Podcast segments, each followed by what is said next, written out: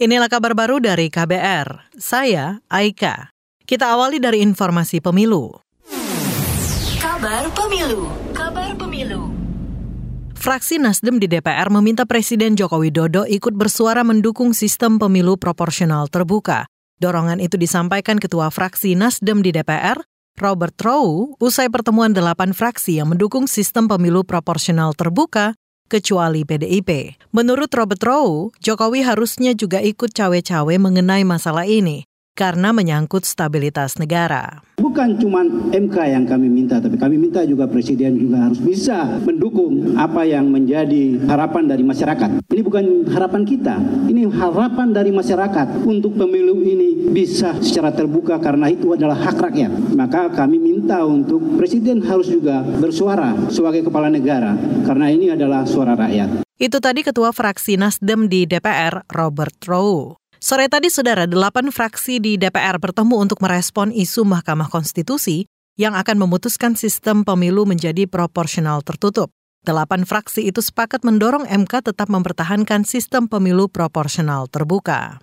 Kita ke informasi selanjutnya.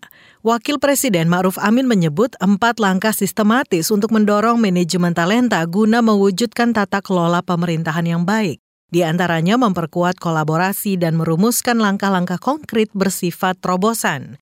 Itu disampaikan Wapres saat Rakornas Kepegawaian tahun 2023 hari ini. Saya minta agar kebijakan manajemen talenta nasional juga memperhatikan peran strategis ASN sebagai perkat dan pemersatu bangsa. Dalam menghadapi pemilu dan pilkada 2024, ASN agar senantiasa menjunjung sikap netralitas dan profesional dalam menunaikan tugas-tugas birokrasi sesuai peran dan tanggung jawabnya. Wakil Presiden Maruf Amin menambahkan para talenta birokrat juga harus dibekali visi dan semangat pencegahan dan pemberantasan korupsi, penyalahgunaan kewenangan, serta pola hidup sederhana. Menurut Wapres, manajemen talenta dan tata kelola pemerintahan yang baik menjadi modal menuju transformasi pembangunan Indonesia Emas 2045.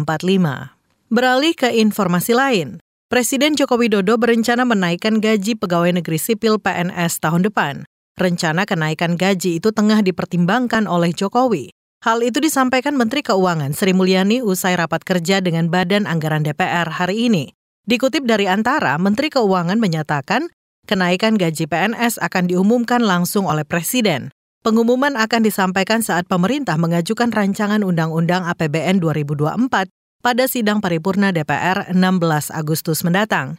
Menurut Sri Mulyani, skema kenaikan gaji masih dibahas di Kementerian Keuangan.